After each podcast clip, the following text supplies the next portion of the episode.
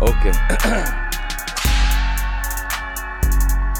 Du hører på Røverradioen. Norsk fengselsradio.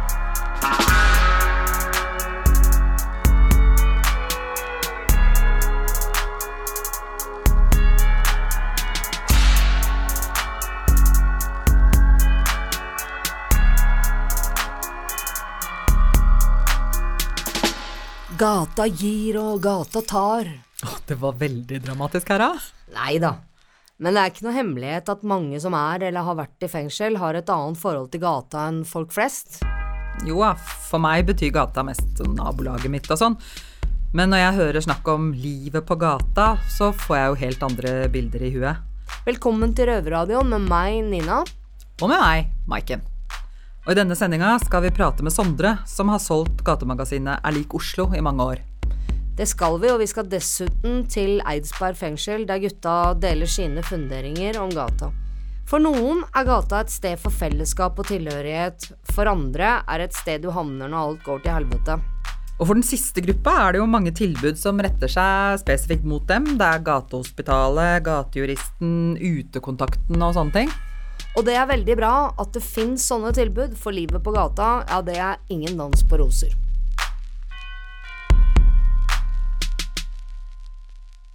Jeg har riktignok kjøpt Jeg liker Oslo ganske mange ganger, hvis jeg kan få skryte av det, og gått forbi folk som har hviska sånn hush, hysj, uh, også ganske mange ganger, men der stopper liksom min gateerfaring, da, kan du si. Men du Nina, du har jo en litt breiere gateerfaring enn eh, det, for å si det forsiktig. Ja, jeg har jo det. Gata for meg representerer liksom eh, det livet jeg begynte å leve da jeg som 13-åring oppsøkte det åpne rusmiljøet langs Karl Johan og opp i Slottsparken. Og, og blei der. Resten av livet, hadde jeg nærmest sagt.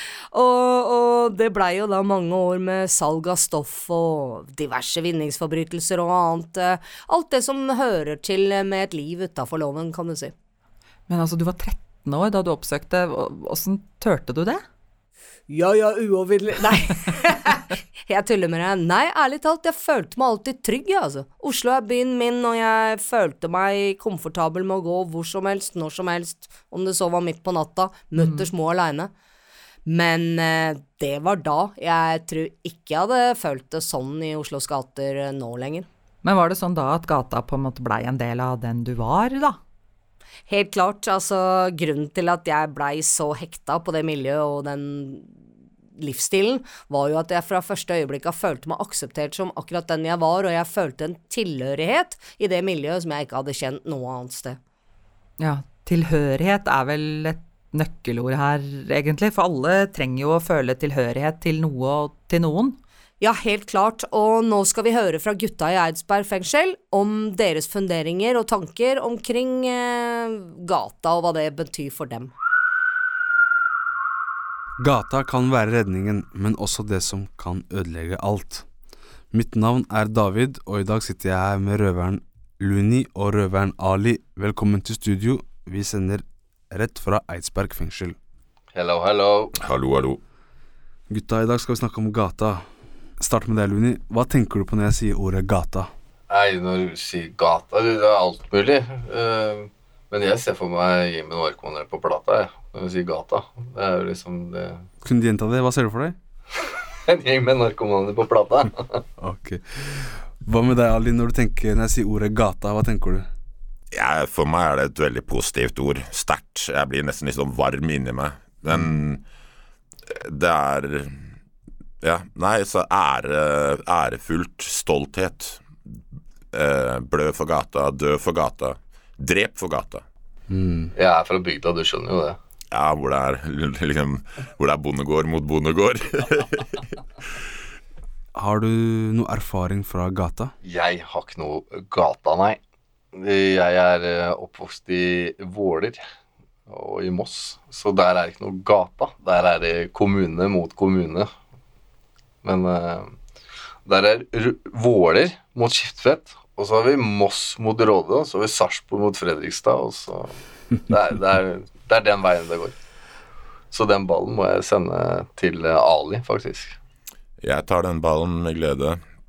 Jeg er oppvokst midt i Oslo by, Torshov-gutt. eh, så jeg, ja, jeg tør påstå at jeg har ganske førstehåndserfaring med ja, både det å vokse opp i med folk som har lav utdanning, lite penger, forskjellige ja, Alt fra psykiske problemer til diverse rusproblemer. Så jeg har sett mye. Hva vil du si som tiltrakte deg til gata, da? For meg var det veldig, veldig Ja, det kunne ikke egentlig vært mer naturlig. For det, det var det var, en, det var livet mitt. Det var alt jeg så. Det var alt jeg visste om.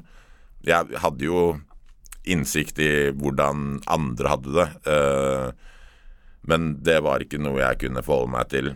Det å være ja, vokse opp eh, ganske tidlig på 70-tallet og være neger hvor det ikke er mange utlendinger. Og ja, du får ofte nesten en sånn designert plass av samfunnet. Altså, så du skjønner hvem du er og hvor du hører hjemme. I gata, liksom? Ja. Ja. Det var veldig bra svar, Ali. Setter pris på din ærlighet. Luni, du har jo erfaring med MC. Det har jeg. Kan du si litt om det, og prøve å sammenligne det, eller hva slags sammenligning drar du fra MC-en til gata, da? Nei, må vel være tilhørighet, samhold og, og brorskap. Det, det å være ett. Så Vi blir jo på en måte utafor samfunnet på en måte. Eh, litt sånn som på gata. Eh, og så veldig mye stigmatisering og veldig mye nysgjerrighet rundt det. Så det, det gjør at vi knytter oss enda tettere. Sånn. All den nysgjerrigheten. Og så vi sitter der og Hysj, dette her er hemmelig. Liksom. Ikke sant? Så er det egentlig ikke så hemmelig. Men, men, men, men samholdet og brorskapet i en, en MC-klubb er jo Det er tett. Det er hardt. Liksom. Eller sterkt, da. Hardt er feil å si. Det høres ut som det er eh, men, eh, men det er veldig mye stigmatisering at MC-klubber er kriminelle og sånt. Og det er jo litt trist. For det er jo Det er jo individene som er kriminelle. Ikke alle. Noen er det. Og da blir det Så fort du har på deg en vest og er kriminell, så Det blir jo akkurat som å si at er du katolsk prest, er du pedofil, liksom. Det, det blir jo litt sånn stigmatisering. Så vil du si at uh, hvis du føler deg utenfor samfunnet, så er gata en god løsning? Da. For din del så var det MC-klubben. Ja, MC-klubben eller dartklubben eller du kan jo velge Det, det spørs jo helt hva som er interessen din, da. Hadde ikke jeg likt motorsykler, hadde jeg likt eh, å sy eh, gardiner, så hadde jo ikke MC-klubb vært det som hadde tiltrukket meg. Men, men det, du tiltrekker deg det du er interessert i. Så, så MC ble det jo for min del. For det, er jo det beste jeg vet. Jeg er oppvokst med MC, så Men det var ikke fordi du var utenfor samfunnet du ble Nei. Så ikke ditt tilfelle, da. Nei, men det er jo et større samhold i en motorsykkelklubb enn det er ellers i samfunnet, i det kalde samfunnet vi lever i. Mm. Det er A4-samfunnet som du blir sett rart på uansett hva du driver med. På en MC-klubb så kan du jo drikke deg dritings og bli klappa på skulderen og kjørt hjem, ikke sant. Men gjør du det ute i samfunnet, så blir du kjørt i arresten. Da er det, er det uro. Uro for andre. Det kommer, kommer pappa politiet og sier 'nei, nå er du full, nå skal du sove på glattcella'. Det er ikke lov. Hva med deg da, Ali? Føler du Hvis du føler deg utenfor samfunnet, er en gata en god løsning? Hva er ditt synspunkt på det? Det her får meg til å tenke på det veldig gamle uttrykket 'felles skjebne, felles trøst'. Hvis man er fra der jeg var fra, så var det vil si at 90% av kidsa som sprang rundt i gatene, vi, det var liksom én forsørger. Det var gjerne mamma, kun en mor. Og ja, det, det synes jeg var noe forenende. Det å ha lite struktur i hjemmet, ha lite penger i hjemmet. Også at det var flere som meg, da, flere utlendinger, men også fattige norske hvite, for å si det sånn. Og forskjellige, noen asiatere, noen pakistanere. Men det som forente oss, var jo spesielt det at ja, hjemmet ikke var på stell, økonomien var helt på trynet. Så like barn leker best, sies det jo. Det var et godt ordtak. Like barn leker best. Nå snakka du litt om grupperinger og at man får seg en gruppe da, utenfor samfunnet. Men vil du si at det er slik at de gruppene Eller gruppen blir sterkere hvis man har en felles fiende, eksempel. Ja, helt klart. Ting kan være etablert, og man kan vokse opp i ting, men hvis det skjer noe, f.eks. sånn som en felles fiende, så omrokerer det hele hierarkiet og de uskrevne reglene. Så helt klart, det er en flytende situasjon hvor de man på en måte alltid kriga med fra man var en neve stor, plutselig er de allierte, og de er helt soleklart en av, la oss si oss, da, uansett hvem man er, men da blir de en av oss, fordi det er noe større som forener. Og det ser, føler jeg også jeg ser mye i samfunnet i dag i forhold til som forskjellige gjenger, grupperinger som kolliderer, osv. Hva med deg, Luni, har du noe synspunkt på det her? Ja, får du ikke trygghet utenfra, så får du jo trygghet på gata, eller i, i det miljøet du er i. Du får en slags trygghet i det broderskapet, da. Ja, absolutt. Så gutta, hvis samfunnet blir mer inkluderende, blir miljøet eller gata da mindre kriminelt, er det store spørsmålet jeg har å stille. Jeg, jeg tror ikke det med kriminaliteten uh, spiller så stor rolle der. Men samholdet og hvor hvor du hører til, kan jo forandre seg. Mm. Så du, liksom hvis samfunnet blir mer inkluderende, da, da tenker jeg på at du får At det er lettere tilgang på jobb, lettere tilgang på utdanning, lettere tilgang på aktiviteter. Blir miljøet eller gata mindre kriminelt, liksom? Det har, får de ungdommene en annen utvei, da, kanskje? Ja, jeg, jeg tror det. Uh, uh, I min erfaring så må det skje en eller annen hendelse. Dessverre er det ofte en svært negativ ting som må skje. Men så fort samfunnet reagerer og putter i ressurser der, slik at barn og unge, spesielt barn og unge, for det er jo de som blir framtida, når de har flere alternativer, da kommer det flere suksesshistorier. Da er, da er det ikke gitt at for å tjene penger må man selge eh, droger eller eh, Så Men det er sjelden at eh, slike ting skjer av seg selv. Det, det må Ja, det er som om hele området må stå i full brann før at eh, politikerne bevilger eh, masse midler og ressurser. Det vanlige er vel bare å bygge en sånn politistasjon der, som de har gjort på Holmlia, som de gjorde på Stovner. Det var jo ikke det i starten. Det var mer sentralisert, men nå er det jo alltid politi der. Og akkurat som det har vært et korrekt svar, for det har jo ikke blitt noe bedre der, det har jo kun blitt verre og hardere miljø. Vise ord, vise ord. Jeg kan relatere litt mye til det du sier. Men eh, ja, det var det. It's a wrap. Takk for i dag, gutta. Fred ut.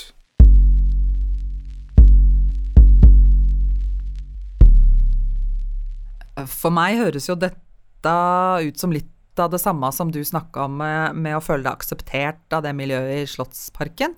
Jo da, eh, noe likheter er det jo, men det gutta prater om her, det er etter min mening et samhold på steroider i forhold til det jeg opplevde. Jo. Men uh, Maiken, nå må vi få på oss fillene, vi skal av gårde. Ja, ut på gata.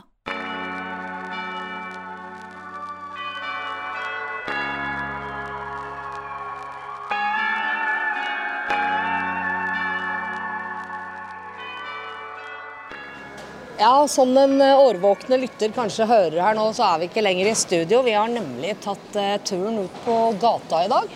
For å møte en av de som jobber der. nemlig Sondre, som er fast selger av eh, gatemagasinet Er lik Oslo. Og han, han er visst litt av en type, har jeg skjønt. Men veit du Det har jeg kanskje aldri fortalt deg, Marken, men jeg solgte faktisk Jeg lik Oslo sjøl en liten periode. Gjorde du det? Ja, Så jeg veit jo litt om åssen det funker. Men, eller i alle fall da, åssen det funka den gangen. Ja. Jeg er helt blank. Det er jo en helt annen virkelighet enn jeg har vært borti, bortsett fra å, å gå og kjøpe magasinet. Så jeg lurer veldig på åssen det er. Ja, og du er nok ikke aleine om det. Det er en virkelighet de færreste veit noe om, eh, vil jeg tro. Men skal vi høre litt med Sondre, da? Jeg syns jeg ser den der borte, ja. Ja. ja. vi gjør det. Hei, Sondre. Hei. Hei. Du Har du trenger ikke å stresse så fælt. Det går bra. Ja. Ja. Så kult at vi får være med deg eh, litt her. Åssen det- funker det nå? For nå har du med deg Ja, nå har jeg med magasiner og blader, greier. og så um, skal jeg stå på hjørnet her og selge til Ja. folk som kommer på Ja, ikke sant. Er det liksom sånn, for nå har du det området her, liksom? Ja, nå er jeg som fast på, pleier å fast på sida. Ja. Så kult. Ja. Men vi, før vi går bort, så har vi lyst til å bare høre litt uh, med om åssen du egentlig starta Med Hvordan- her i ja. Oslo. Nei, det For du har holdt på uh, lenge, har du ikke det? Jo, jeg bodde på i Arendal i 17 år, på en barnevernsinstitusjon. Og så uh, flytta jeg tilbake til Oslo da jeg var uh, 23. Ja. Så begynte jeg selv i Oslo i 2014 Nei, 2014 var det jeg flytta tilbake til Oslo. Ja. Men du har egentlig holdt på i nesten ti år, du, da? Ja. Ja. 10-12 år. Vil du si at eh, du har fått det bedre? Ja, mye bedre. Ja. Hadde det ikke vært for Erik Oslo, så hadde jeg vært uh, i grava, tror jeg. ja. Det gjelder mange av oss, tror jeg. Eller altså ikke bare med Er lik Oslo, men hvis det ikke hadde skjedd noe endring i livet, så hadde vi vel vært daue hele bunten av oss. Ja. Og så er litt kaffe. Det er jo også ganske merkelig historie. Det var, men da hadde vært her litt Oslo-selger i en del år, og da hadde jeg sona. Sittet i fengsel én gang. Og så når jeg kom ut av fengselet, så skal jeg kjøpe meg noen gatemagasiner sånn som jeg har der. Og så kom jeg til disken da, to dager etter jeg kom ut av soninga, og så så jeg det der De Kaffe-logoen på, Ja. på veggen. Så spurte jeg hva, hva er Litt Kaffe, så sier Even til meg da at jeg du, Sondre, nå fikk jeg en idé at hvis du stiller opp på utafor Stortinget i morgen klokka ti, så skal du få være med på en opplevelse du aldri glemmer. Og da hadde jeg sittet i fengsel og sett på den der vet du, Uteligger Oslo til Nordkapp. Og så tenkte jeg at tenk å få være med på noe så gutt som det der. Det hadde vært en drøm. Og så var det jo det samme. Det var ganske merkelig. Og etter det så, så har du vært eh, hekta på Erlig Oslo, liksom? Ja. Nei, det har jeg var det jo før òg, da. Men, eh, men det var jo skikkelig skikkelig Er det sånn egentlig at eh, altså, Er det liksom en jobb, og du kommer og henter de magasinene, eller er det liksom et Det er en livsstil. For dere, på en måte? Ja, det er en livsstil? Ja, Ja. vi sier det. Hva mener du når du sier at det er en livsstil, da? Nei, det, er jo, det blir liksom som en familie. Jeg liker Ah. Oslo. Eller ja, hele Elixir-slutten. Så mange hyggelige ansatte og andre celler Og. Ja. Det blir litt sånn både de som jobber der, og, og, og altså både de som er på kontoret og dere som er ute og selger, at dere blir en litt Ja. sånn Så dere passer Gjeng. på hverandre, og det går an å ringe til hverandre hvis man har en dårlig dag, og Absolutt. hva det nå enn er. Ja. Det er jo helt fantastisk, da. ja. Så fint. Hva, hva forbinder du med ordet gata? Gata? Ja. Nei Sosialt sted hvor mennesker møtes. Så for deg så Ja. er ikke begrepet noe negativt. Nei. Det er Det er heller positivt. Ja, ja. ja. Har det forandra seg på en måte før og etter du begynte å selge Jeg liker Oslo? Er gata liksom noe annet for deg nå enn det det var før? Ja, før var det vel mer tilknyttet bare kriminalitet og og den slags. Ja. Men uh, jeg liker Oslo. Ga meg jo Mens nå er det et sted du kan utfolde deg Ja, og tjene folk penger på lovlig Ja. måte. Men eh, tull og tøse.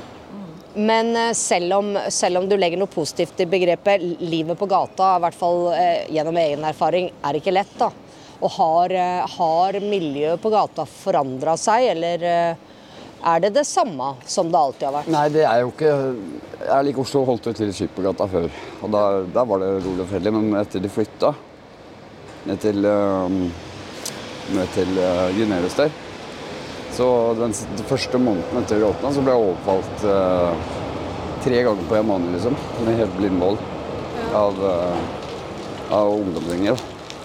Så du har opplevd at det har blitt et hardere miljø? Er voldeligere miljø. Voldeligere, ja. Mm. Så det, det er ikke sånn at jeg går gjennom uh, parken ved eh, Oslo Plaza der jeg skal til jobb. Nei, for det var, det var interessant at du sa, for før om åra så følte jeg også på en måte at jeg kunne gå overalt, at byen var min, at eh, man eide gatene i Oslo på en måte, da. Ikke Ja, det det Altså, mye hardere nå. ja, jeg ville ikke turt å gått i mørket alle steder i Oslo lenger, jeg. Det, eller ikke i lyset, for den saks skyld heller. Så ja. Nei, det, men det burde politiet og myndighetene ta mer tak i. Så det blir greiere å tryggere for folk, syns jeg. Absolutt. Ja. Ja, men da skal vi se deg i aksjon her nede, da. For det at jeg har skjønt det som at du er litt av en stjerneselger, da. Jeg prøver så godt jeg kan. Er det Oslo? Er det Oslo? Er det Oslo?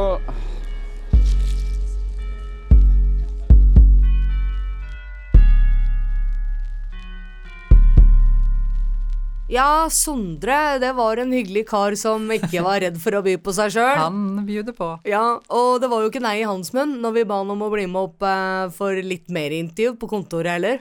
Yes, og da fikk vi også med oss eh, miljøarbeider og skribent i Erlik Oslo, Even Skyrud, hit til studio på Storo. Så nå skal dere få høre mer om hvorfor det finnes gatemagasiner stort sett i hele verden, og hvorfor det funker så bra som det gjør. Ja, og studiet vårt ble faktisk for lite, det, så nå sitter vi her i møterommet. Velkommen hit. Tusen takk. Jeg bare lurer på, hvis jeg eh, ville begynne å selge Er lik Oslo, og er det bare Finner man bare fram til kontoret, da, og, og møter opp og Nei, du må komme på tirsdager, for da er det registreringsdag. Stemmer ikke det, Jon? Ja, nå, eh, det var det da du registrerte deg, men det begynner å bli ganske mange år siden. Så nå kan man komme når som helst, Når som helst, ja. Egentlig. Men du må, du må ha en registreringssamtale. Og hvis Ja. vi ikke har tid til det da, så må man gjøre en avtale. ja. Men er det noen kriterier da på en sånn registreringssamtale? Hva er det som skal til for at du får lov å selge? Eh, du kurs, skal ikke um, drive og deale med um, dumme ting, da. Nei. Eller narkotika og sånn når du jobber. Nei. Og du skal være oppegående på jobb. Uh, du kan jo Du kan ha hatt en dårlig dag, men du, men du skal ikke være overstadig berusa når du selger Alik Oslo. Det skal Nei. du ikke være. Nei. Men noe, dere har ikke noe krav om at man skal være rusfri? Det er noe av greia. Man, det er et tilbud også for folk som er i rus? Det er jo liksom Det er jo derfor vi selger, og også for å ikke gjøre kriminelle ting. Men åssen er det, må du ha penger for, det, for å kjøpe Nei, det som er så fint med Alik Oslo, er at du um, Det koster 50 kroner for et blad. Ja. Så hvis jeg har, er blakk en dag, da, så får du en 50-lapp og kjøpt et blad, så dobler jeg det til to blader, og så til fire blader, og så videre. ja. Ja, sånn at du, du må Du trenger liksom ikke ha den startkapitalen. Da får du krita det første, og så Jeg får du ikke bygge opp, eh, liksom, ja. krita, men uh, de gangene jeg har hatt problemer, har du vært så snill at jeg har fått krita. Ja, altså Vi prøver jo å få folk ut på jobb. Og så Ja. har vi også en ordning sånn at du kan krite to blader alltid, men du kan ikke når du har gjort det, så må du nesten betale tilbake før du kan gjøre det Igjen. igjen. Mm. For ellers så vil jo alle bare krite alle blader. Hver dag. Men er det sånn at folk klarer å holde seg unna kriminalitet, da, eller når de selger Erlik Er lik Oslo? Det er jo vanskelig å si noe om. Men det er klart, eh, vi skal jo være et alternativ til det vi sier litt sånn gammeldags uverdige måter å tjene penger på, da. Som jo, hvor også kriminalitet regnes, og spesielt da som et alternativ til småkriminalitet, tigging og, og prostitusjon. Eh, er jo de tre tingene som ofte nevnes at eh, gatemagasiner generelt over hele verden skal være et alternativ til.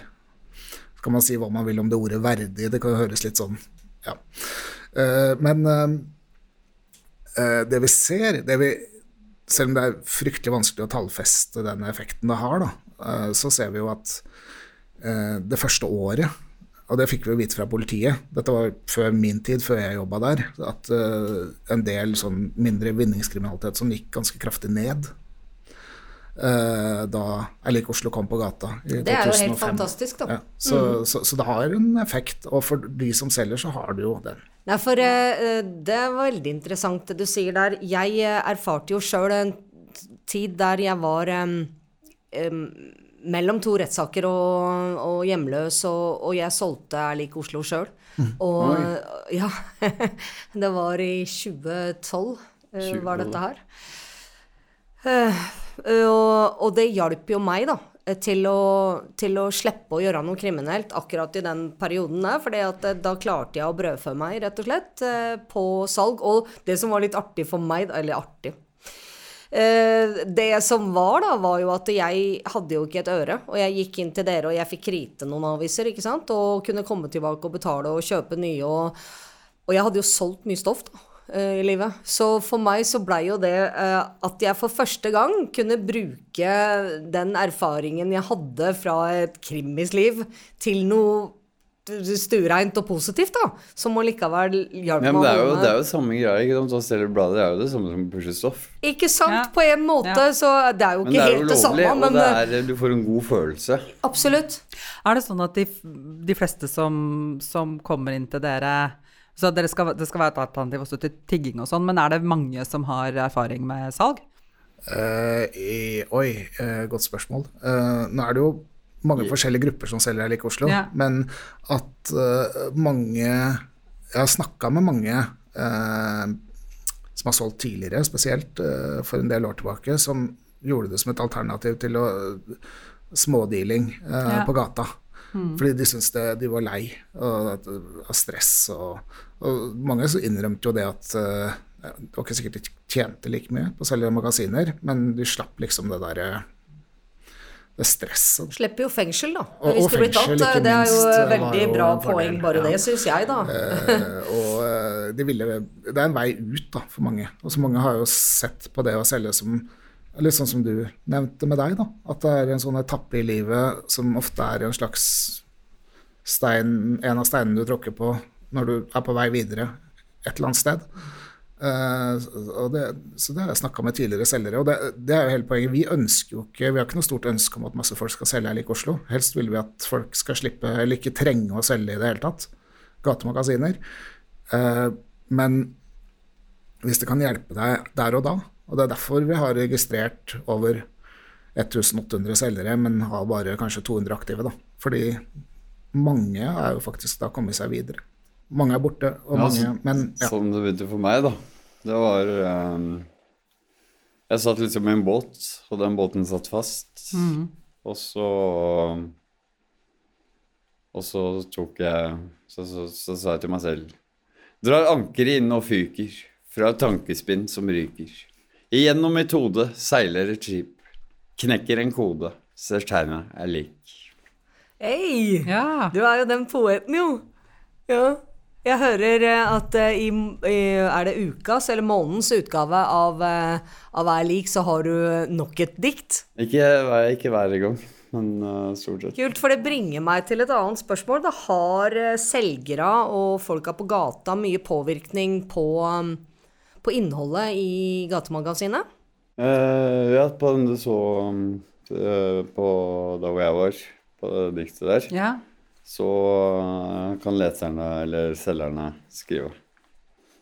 På de sidene, eh, som vi kaller postkassa. Postkassa. Men eh, det er jo en liten del av det. Vi skulle ønske vi hadde mye mer selgerbidrag, og vi maser jo ofte på selgere om å levere, om det er dikt eller tekster eller eh, tegninger eller malerier eller hva som helst. Vi, både de som kjøper blad og vi vil jo at de skal være representert. Litt tilbake til det derre verdighet-ting, og hva er det som er et verdig liv, som du sa, ikke sant? Hva er det? Men det er mange måter å tjene penger på, Nemlig, for eksempel. ja. For eksempel, jeg sier jo ofte til folk at i dag er det kjempetilbud på eh, Jeg liker Oslo, kjøp to, betal for tre. Ja. det er mange, mange kreative salgspitcher. Er Men jeg lurer litt på den eh, når, når, du står ute som selger, ikke sant? du sier at du har ikke opplevd egentlig å bli stigmatisert eller noe sånt nå, men Jo, det har jeg. Det har du, ok, Eh, ja. men, men da har jeg eh, sagt eh, hva jobber du med? Og så sier hun det og det. Og så sier hun Jeg tror jeg tjener mer enn deg, altså. Bra. Men hvordan, hva, hva, er det folk, hva er det du opplever at folk kan si? Eh, Jeg kan si sånn som sist gang jeg ble stigmatisert, holdt jeg på å si, så sa jeg jeg har lyst til å kjøpe Alike Oslo. Og så sa hun 'aldri spør meg om det igjen', og så bare gikk hun forbi.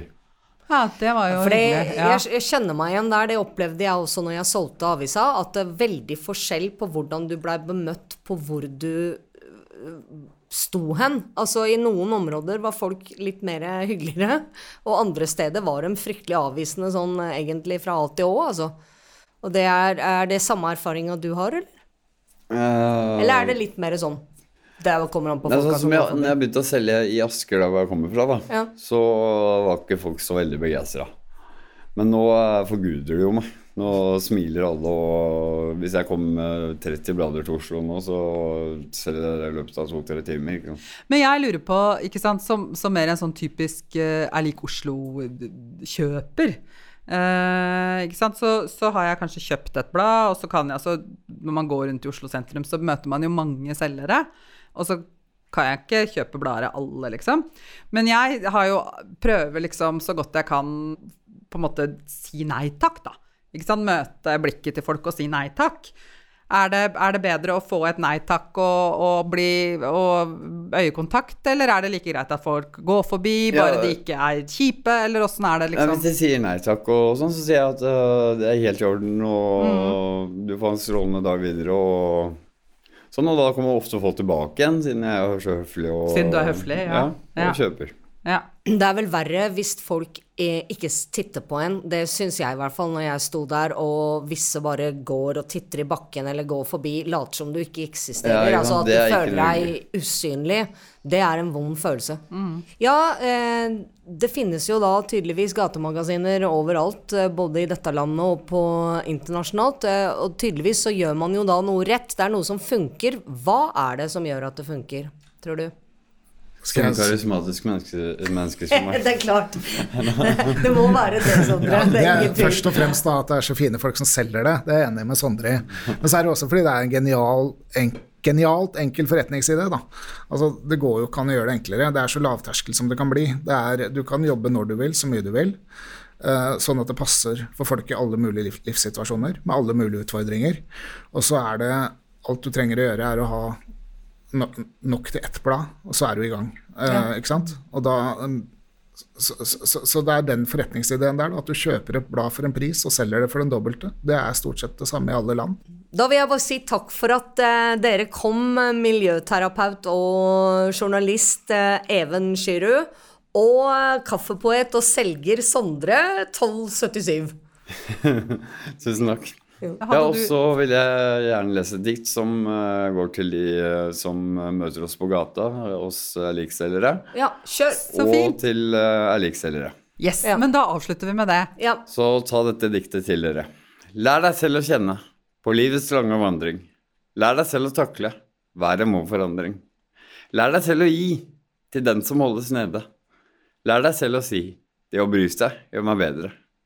Lær deg selv å elske det du har hatt det mest. Lær deg selv at kjærlighet er det som gjør deg best. Takk for det. Ja.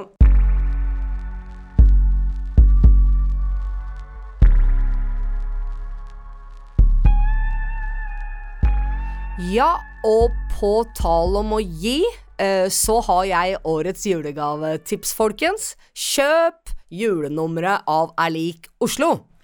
For det vi kan fortelle også er at Er Oslo de klarer seg faktisk helt uten økonomisk støtte andre steder fra. Men det er salget av det julenummeret, altså julemagasinet av Erlik Oslo, de finansierer egentlig hele drifta hele resten av året. Ja, og dessuten kjøper du Erlik Oslo, så gir du en gave to ganger. Både den som får magasinet, pluss at du gir en gave til den du kjøper av. Win-win, altså. win, win, Dobbelt win, opp. win, win, win. To for én og hele pakka. Yes. Men nå er dagens eh, røverradio over. Du kan høre oss allerede neste søndag klokka 20.30 på NRK P2, eller På podkast når og hvor du vil, så lenge du ikke sitter inne, da.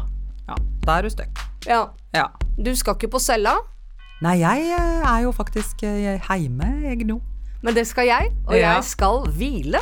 Det høres Hvil deg, borger, det har du fortjent. Det skal jeg også. Takker, jeg. Og så eh, høres vi til uka. Ja, det gjør vi.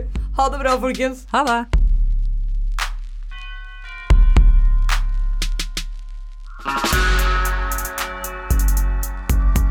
Denne sendingen av Røverradioen er sikkerhetsgodkjent av Eidsberg fengsel. Musikken er laget av Trond Kallevåg. Røverradioen er en veldedig organisasjon som er avhengig av din støtte. Følg oss på Instagram, Facebook, Twitter eller gå til røverhuset.no og finn ut hvordan du kan støtte Røverradioen.